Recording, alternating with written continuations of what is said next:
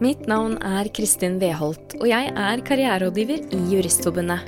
I denne første sesongen av På rett vei har jeg intervjua jurister rundt omkring i arbeidslivet. Hvilke karrieremuligheter fins egentlig der ute for deg som er jurist? I dagens episode snakker jeg med Stig L. Beck. Stig er partner i forretningsadvokatfirmaet Wiersholm, og har flere styreverv, bl.a. i Bipolarforeningen. Jeg vil snakke med Stig om hvordan arbeidshverdagen ser ut for en partner i et av de store advokatfirmaene, og hvordan blir du en av landets beste advokater innenfor fast eiendom? Dessuten er Stig åpen om at han har bipolar lidelse. Har han noen råd til andre jurister med mentale lidelser, som bekymrer seg for at det kan stå i veien for en spennende karriere? Stig, velkommen til På rett vei. Tusen takk for at du ville være med. Tusen hjertelig takk for at jeg fikk lov å komme. Jo, det gleden er på vår side. Jeg gleder meg til å høre deg fortelle om karrieren din. Og først så har jeg bare lyst til å begynne helt fra start. Altså, hva gjorde at du hadde lyst til å studere juss? Eh, jeg har jo alltid ment at juss er viktig. Juss er en ekstremt viktig samfunnspilar. Det er på en måte hele regelverket for alt som skjer rundt oss.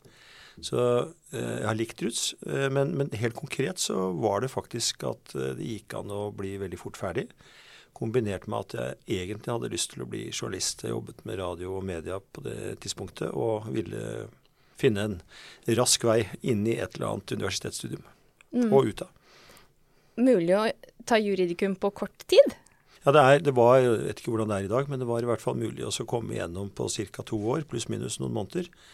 Og det, det, var det som var ambisjonen. Det, I det så ligger det selvfølgelig en, en, rastløshet, og kanskje det faktum at jeg var relativt uh, høyt oppe gjennom de to årene. Det tror jeg jeg har forklart litt om et par ganger. Ja, nettopp. Mm. Ja, for det er godt gjort å fullføre et profesjonsstudium på to år. Jeg tenker at dette er jo litt karriererådgivning, og jeg vil jo tenke da egentlig motsatt. At det er et usedvanlig dårlig råd å gjøre det. Fordi uh, juss f.eks. og veldig mange andre fag er bygd opp som fordypningsfag, hvor man sakte, men sikkert skal begrave seg i materien. Og jeg tror at de aller, aller fleste, og jeg også antagelig, hadde hatt veldig mye bedre av, eller har mye bedre av, å følge på en måte metoden, komme igjennom på en ordentlig måte, lære seg tingene skikkelig. Da slipper man å gjøre det etterpå. Mm. Ja, for det er vel også et modningsfag. Altså, jeg ville tro at det er mye verdi i å la ting synke. Det er helt åpenbart en, en masse, masse, verdi i det. Altså la, la jussen finne veien inn i, inn i, skallen på en vettug måte. Mm. Ok, så hvis vi ser da fra du var student, og eh, hvis du kan fortelle i korte trekk hvordan du kom dit du er i dag, nå når du er partner i Wiersholm? Jeg eh, lot tilfeldighetene råde, egentlig. På det tidspunktet jeg var ferdig, så hadde jeg behov for å kjøpe hus og var i ferd med å stifte familie. Så jeg begynte da på den første ledige jobben som, som var der, etter at jeg ikke ble kalt ut i militæret, slik jeg hadde trodd. Og da jobbet jeg et par år i Kredittilsynet, det som er Finanstilsynet i dag. Og da lærte jeg mye om eiendom og bank. Og hadde lyst til å forfølge den finansielle, eiendomsorienterte greia. Så jeg Gikk da etter hvert over til en advokatstilling i eh, daværende Kredittkassen, nå Nordea. Alt har jo skiftet navn siden den gang. Eh, og var der og hadde en fantastisk eh, lærerik periode et par år. Og så var jeg deretter i, i Vikborg Rein som advokat først, og deretter partner i til sammen ca. ti år. Så jeg har vært i, i advokatfirmaet Bar i 16 år som partner og eh, to år i, som eh, konsernsjef i Solon Eiendom før jeg da kom til Wiersholm for snart tre år siden. Mm. Så i den jobben du har i dag, hva er de viktigste oppgavene dine? Hva går jobben ut på? Jeg tenker at hvis du, hvis du, deler opp eh, arbeidsdagen, så består den fortsatt i veldig stor grad av konkret eh, problemløsning, dvs. Si saksledelse. Det å lede team på saker som skal utføres innen gitte rammer. Eh, men i tillegg til det så er det god slump eh, markedsføring. Så jeg jobber mye ut mot eh, klienter.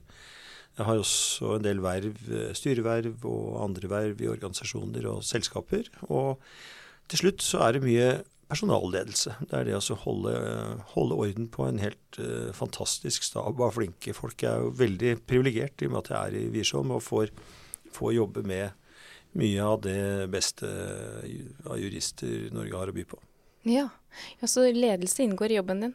Ledelse er en stor del av, av aktiviteten. Vi er ca. 40 stykker som eh, driver med eiendom i, i Wiersholm. Og da ligger entreprise og en del sånn også inn under det. Vi er flere partnere. Og vi har eh, en hovedoppgave i det å ikke bare styre sakene og saksutførelsen, men også det å legge opp organisasjonen, innrette organisasjonen slik at vi er effektive, kompetente og til stede til enhver tid. Mm. Ok, så eh, hvis du skal se på en typisk arbeidshverdag, da, hva inneholder den? Hva kan det være? Nei, nå, er, nå, er, det litt sånn at uh, de helt typiske dagene Det varierer så mye at uh, du aner ikke. Men en, en, typisk dag kunne ha vært at man uh, Jeg står opp veldig tidlig om morgenen, og, og etter å ha trent litt, så kommer jeg da kanskje på kontoret. Og så bruker jeg nok ganske mye av tiden på morgenen til å, til å oppdatere meg på saker og aktiviteter, til å lese notater og redegjørelser, til å gjøre mye av den skriftlige delen, den tenkingen, rett og slett. Og jeg har da noen timer før eh, de andre begynner å dukke opp, sånn i halv åtte-åttetiden. Når de kommer opp og er der, så er jo dagen stort sett preget av møter. Og det er møter med klienter, det kan være forhandlinger. Uh, det er lenge siden uh, jeg var aktivt i retten som prosederende. Gjorde det mye før. Men det blir vanskelig å kombinere med det jeg driver med i dag. Og så har man Eh, ja, egentlig så går det slag i slag med møter frem til ettermiddagen. Og så sitter man og har litt debrief med, med teamet i etterkant. Mm. Men variasjon, det er det jeg hører er ja.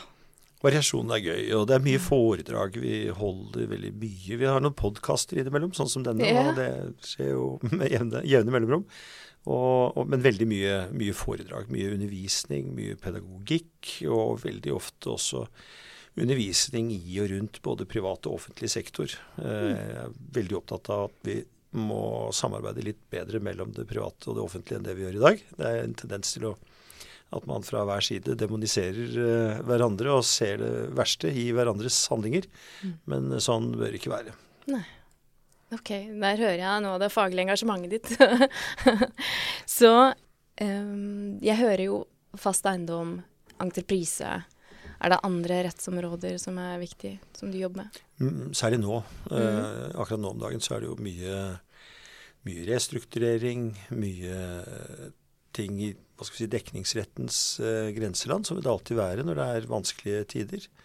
Men, eh, men, i hovedsak også nå så jobber vi jo med de positive løsningene. Vi prøver å holde ting utenfor rettsapparatet, utenfor andre former for prosesser. og er mest opptatt av å finne løsninger der vi er involvert.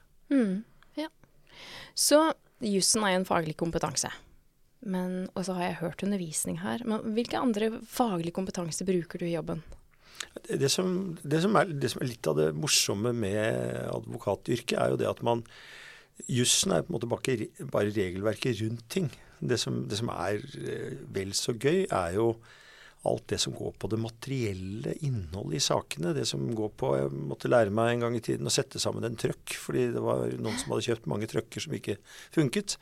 Eh, og, og, og, i det hele tatt, det, også, det, kan være tekniske ting, særlig da med bygg.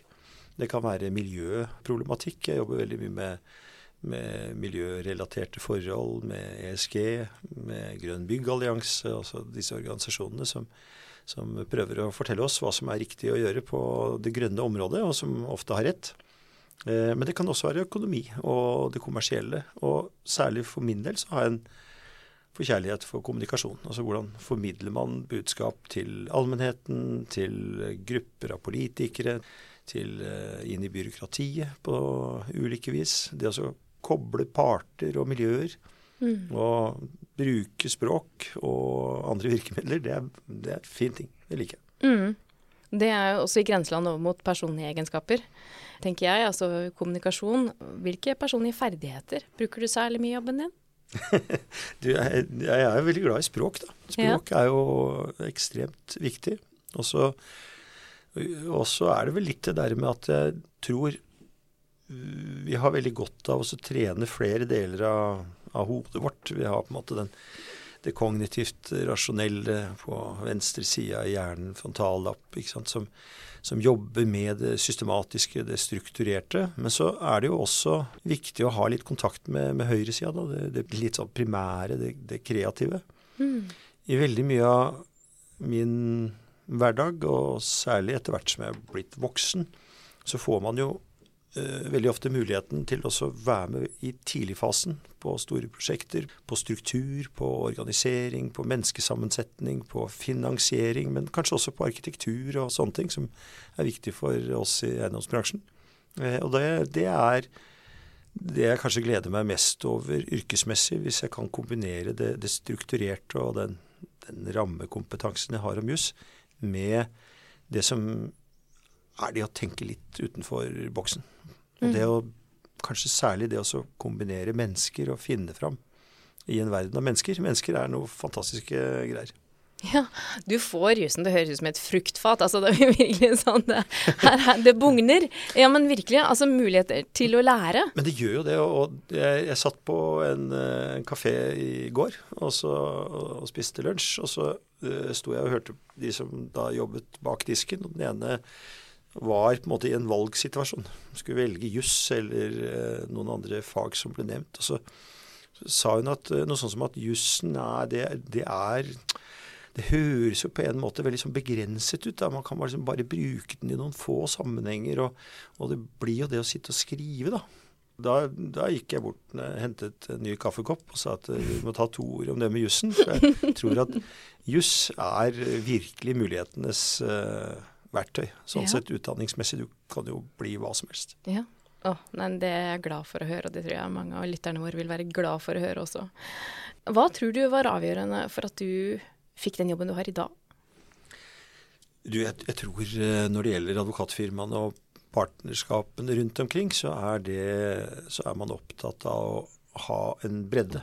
Mange forskjellige typer. Folk er forskjellige. Mennesker kommer i former og farger helt ulike. Noen har klare kommersielle fortrinn. Eh, andre har andre former for fortrinn. Jeg tror at eh, for, for, min del så jeg kan være med og fylle ut et firmas partnerskap på en ålreit måte. Det, det, vet jeg, ellers hadde jeg jo ikke vært der. Og jeg tror at det har noe å gjøre med en kombinasjon av en bred faglig innsikt. Altså, jeg kan jo juss, jeg vet jo at jeg er en bra jurist. Mm.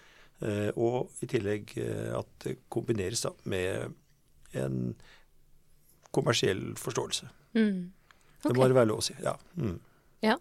ja. du nevnte jo at du driver med markedsføring. Altså, det er jo en del av jobben, det òg. Det er viktig. Mm. Så det er kanskje vanskelig ut fra Jeg hører at du har et ganske bredt eh, engasjement, og så spør jeg deg hva liker du best ved jobben din? Hva, eh, har du et svar på det? det, det, er, det, er så, det, er, mange ting, sånn at det er vanskelig å plukke ut sånn, som du sier, plukke ut én ting. Men jeg, jeg, tenker jo ofte at uh, det beste er Jeg tror vi, alle mennesker snur litt på det, har behov for å føle at man får til noe. Mm. Eh, og advokatjobben gir jo veldig mange muligheter til det. For vi er, vi er på en måte bevæpnet med en kunnskap og en kommersiell forståelse. Og så kommer man inn i veldig mange typer saker. Vi jobber jo kanskje med, med 5-10-15 saker i løpet av dagen som man er innom. Og av og til så kommer man jo igjennom. Man får til det som klienten har ønsket. Man den der, der litt sånn gleden, bekreftelsen av at vi har fått på plass et joint venture, eller vi har vunnet en sak, eller man har gjennomført en transaksjon, eh, det, er, det, er, fortsatt en god følelse i mm. voksen alder. Mm, ja. Så i åra mellom 2006 og 2018 så blei du kåra til Norges fremste advokat innen fast eiendom. Hva tror du har vært avgjørende for å bli så god innenfor ditt fagfelt? Eh, jeg, tror, jeg, tror, nok det juryen må, må, svare på det, eller de som har inngitt stemmer. Men jeg tror jo det er litt av det vi har snakket om. Da. At mm. jeg tror veldig mange eh, av disse forskjellige kåringene, de har, eh, de har ulikt utgangspunkt. Det er klienter som stemmer, det er, det er advokater som stemmer på andre advokater. Men, men, uansett hva som er utgangspunktet, så er det noen fellestrekk. Og, og når jeg ser på de andre advokatene som uh, topper disse listene, så, så, tenker jeg veldig ofte at det, det, er litt hyggelig, særlig der hvor advokater stemmer frem advokater. Mm. Og se at man uten Man kunne jo liksom stemme litt sånn taktisk og sånne ting, men, men når du ser på resultatene, så er det flinke folk som fremheves mm. gjennomgående. Mm. Og det også litt sånn all ære til advokatbransjen. Den er litt ålreit, rett og slett. Altså, det er folk som er ærlige. Hvis de mm. mener at X er best, så stemmer de på X og ikke på Y. Mm. Fordi det kunne vært taktisk klokere. Det skjer sikkert det også, men, men det er ikke hovedinntrykket. Og sånn sett så er eh, jeg egentlig alltid litt likt advokatbransjen. Det er mye bra folk. Mm. Ja. Ekte liberalt. Ja, ekte liberalt. Ja, det skal vi snakke litt mer om. Så du forlot Bar, som du var partner i, etter 17 år, og gikk inn i et eiendomsfirma. Og jeg tenker jo da, for jeg er også opptatt av endringsledelse, psykologisk omstilling Jeg tenker på det som et modig valg. Ja, det, det, var ikke sånn veldig modig, men, eh, men, men, eh, fint hvis folk tenker på det sånn. Det syns jeg er helt ålreit. Men, men det, var, det, var, jo egentlig bare det faktum at jeg jobbet med et firma, eh, la noen planer sammen med det firmaet.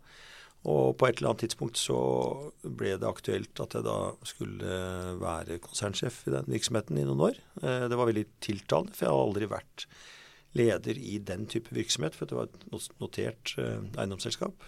Så utfordringen var egentlig Det var veldig spennende. Og det eh, Og så visste jeg jo at de brukte gode advokater, både Wiersholm og Bar den gangen, så mm. jeg tenkte at jeg var på trygg grunn. Ja. Så jeg, det var en, egentlig en veldig det var fine to år med å bygge en, en, organisasjon og eh, overlate det til videre prosesser. Mm. Så det, det likte jeg. Ja. Du nevnte at du har noen styreverv. Og du har også vært, eh, du har valgt å være åpen om at du har bipolar lidelse. Flere av våre medlemmer de engster seg for sine muligheter i arbeidslivet fordi de har en eller annen psykisk lidelse. Har du noe råd til dem?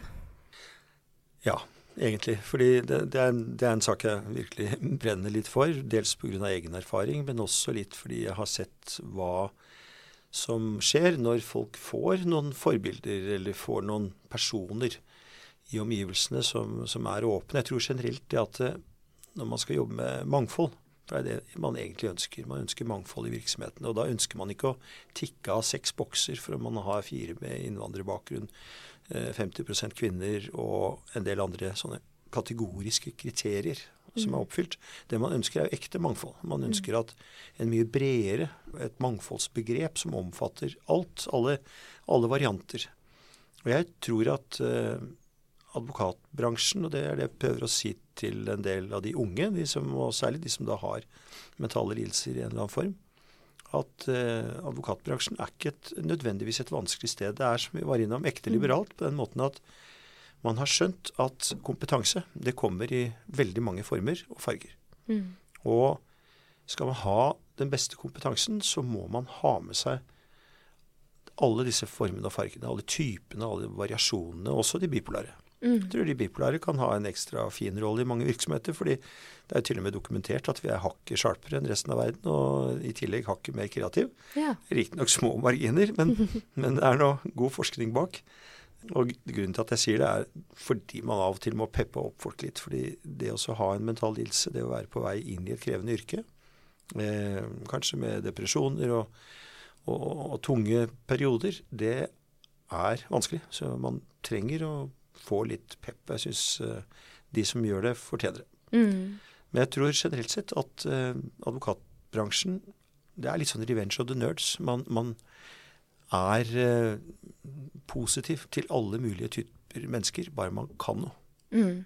Så det å være flink i faget sitt? Det er, det er, egentlig den eneste inngangsforutsetningen. Mm.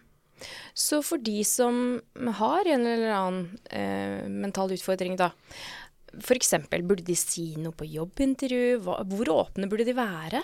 Det er veldig, veldig, veldig godt spørsmål. Fordi det er lett for meg som er voksen og etablert.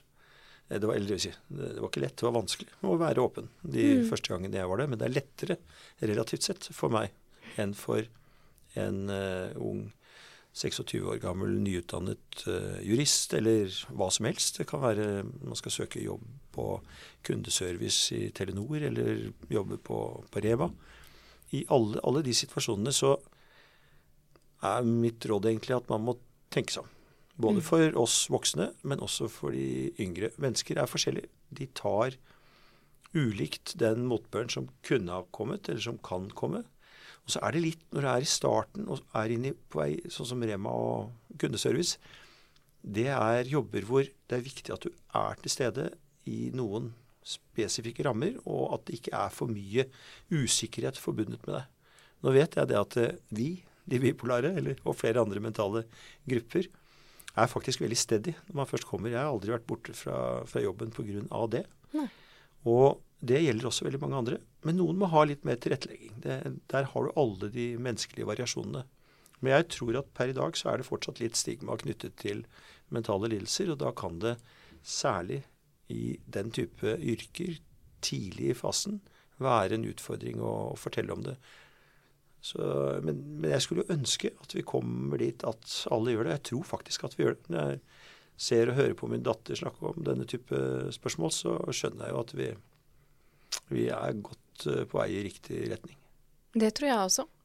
Eh, det ser jeg også i jobben min, at uh, f.eks. menn Jeg jobber jo også som coach, og jeg ser at flere menn tar nå initiativ til å bli coachet. Og det er på toppledernivå større åpenhet om psykiske lidelser. Jeg tror, så jeg tror også at den det er noe som skjer nå, og det tror jeg er veldig sunt. Du sa dette med å peppe folk litt. Det er også en kunst, det å kunne se styrkene sine, eh, som, som, kan følge med en lidelse. Jeg, jeg snakker mange, med mange som har ADHD, f.eks.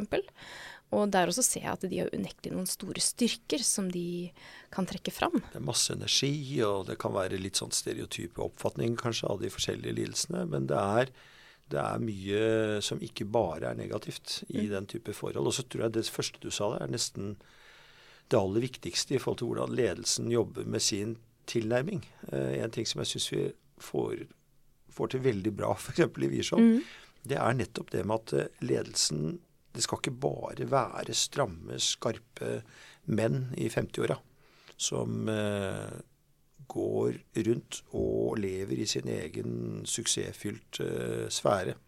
Mm. Eh, det vi trenger, er mennesker i alle sammenhenger.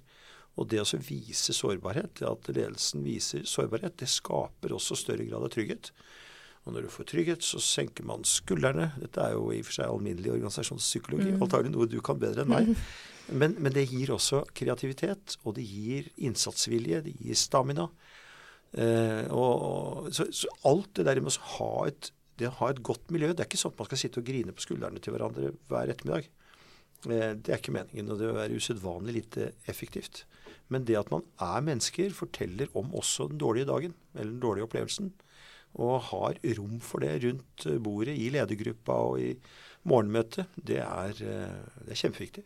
Mm, ja, ja, til alt du sier der. Eh, jeg tenker også det at det som nå er nesten et sånn buzzord innenfor organisasjonspsykologien, psykologisk trygghet i en organisasjon, det er jo forutsetningen for læring. Hvis du har lyst til å bli flink og ha dyktige medarbeidere, så må det være en del av fundamentet, da. Og jeg tror at, og det er ting som jeg har opplevd opp gjennom årene også, at det er ikke alle miljøer til enhver tid som greier å få til akkurat det med psykologisk eh, trygghet. Og jeg tenker også man nesten kunne stryke psykologisk og bare si trygghet. For mm. trygghet er egentlig en, en, form for tillit i et team. Og det er ja, ufattelig viktig. Vi jobber veldig mye med det om dagen. Har gjort det. Jeg skjønner jo også at firmaet som jeg er i, har gjort det i mange år før jeg kom inn.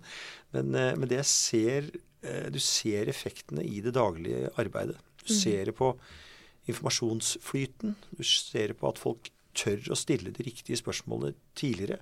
Hvis man ikke gjør det, så er risikoen for feil er ekstremt stor. Mm, ja. Dette er et tema jeg kjenner altså, vi kunne snakket mye om. Så når du ser eh, tilbake på karrieren din, den, er jo på ingen måte over enda, men Jeg håper jo det, det, hørtes veldig sånn avsluttende ut. Det, det slo meg når jeg stilte spørsmål på den mm. måten. Men jeg lurer på, hvilken jobberfaring har du vokst mest på hittil? Det er veldig vanskelig. Jeg ja. tror det som jeg har vokst mest på, er møte med mennesker. Mm. Eh, det å eh, lære tolke og forstå. Jeg husker veldig godt en kjent uh, eiendomsaktør. Jeg var ganske ung, uh, veldig ung. Og jeg hadde vært i et møte og syntes jeg hadde vært kjempeflink og fått frem all jussen på riktig måte og på en meget ja, overbevisende måte. Jeg var i ferd med å begynne å klappe, meg selv på ryggen. Og så kom denne eiendomsnestoren uh, bort, som også hadde vært i, i møte, og så sa han veldig bra, Beck, men ærlig talt, nå må du begynne å lese mennesker, altså. Og så fikk jeg en lang leksjon i hvordan den ene satt og så tvilende ut, og hvordan den andre satt og så tvilende ut. Og skjønte etter hvert at jeg hadde egentlig ikke nådd gjennom i det hele tatt. Og jeg tror at den type erfaring er ekstremt viktig, naturlig nok. Men vi må lære av det, vi må forstå det, vi må skjønne, og vi må ha folk, sånn som han da, den gangen, mm. som faktisk tar det opp på en skikkelig måte, som forklarer hva som var feil. Han behøvde ikke ha gjort det. Men for meg var det en eh, lære for livet. Jeg har fortsatt det ansiktet foran meg. Men jeg av og til begynner å bli litt eh, for ivrig og for høy og mørk i troen på egen eh, fortreffelighet. Mm. Ja, det å trene folk til å se tilbakemelding, enten de er servert uh, i, i mildordelag eller krasse, det er, trene seg å se det som en gave. Det, det kan gi litt motstandsdyktighet mot stress, tenker jeg. ja, men det tror jeg, det tror jeg også, fordi du får et riktigere inntrykk. Mm. og Det er større sjanse for at du når frem. Mm. Og, og, mindre risiko for at du i etterkant opplever at du ikke sa eller gjorde de riktige tingene. Og veldig ofte, og i nesten alle sammenhenger i, i vårt inntrykk, eller vår, vår, vår, aktivitet, så det går på å komme gjennom over bordet. Eh, det går an å komme gjennom på Teams òg, og det hender jo av og til at vi får det til. Det er noen teknikker der som må være litt ekstra oppmerksom på. Men, men det aller beste er jo å se mennesker. Mm. Se de i øynene, observere de, og kanskje ikke minst uh, lytte. Mm. Advokater er veldig glad i å prate, og jeg er veldig glad i å prate. Men, men har vel forhåpentlig over tid skjønt at vi må, vi må lytte. Vi må lytte, og vi må lytte. Og så kan vi bidra inn i samtalen. Det er ikke sånn nødvendigvis sånn at vi skal komme med løsningen i enhver problemstilling i enhver sammenheng. Det gjelder både menneskelig i forhold til kona og ungene hjemme, holdt jeg på å si, og, og i forhold til uh, den yrkesrollen. Mm, ja. Det slo meg faktisk, før vi trykte på rekord her, at du, du, du, slo meg som en som er genuint nysgjerrig utover også, og som uh, lytter. Det la jeg merke til. ja, jeg håper det er veldig det. Det tar jeg med meg, for det skal jeg, da, det skal jeg huske på. Ja. men, men, jeg husker jeg sa det til meg selv for veldig mange år siden. Det var før jussen. Jeg hadde da bestemt meg for å bli journalist, og så tenkte jeg at da blir det mye lytting hvis du skal mm. observere, og mindre det å presentere. Mm. Og det var også en av de tingene som, som gjorde at jeg tenkte at jussen gir meg begge muligheter. Jeg kan forstå, tolke og analysere, men jeg kan også presentere og formidle. Mm. Så hva vet du nå som jurist, og som du skulle ønske du visste da du var student, og særlig da du skulle søke din første jobb? Det jeg vet, det er at eh, det at tilfeldighetene fikk råde, mm. det var bra. Ja. Den gang så tenkte jeg at jeg var, jeg var, veldig, jeg var sløv, som ikke var mer sånn rettlinja og hadde klare ambisjoner om at jeg skulle hit eller dit. Det var tilfeldighetene som, som rådet. Det var familie og barn og behov og ønsker og tidsrammer og et forsvar. Alle de tilfeldige faktorene, de eh, fikk avgjørende innflytelse på hva jeg gjorde, og det var helt ålreit.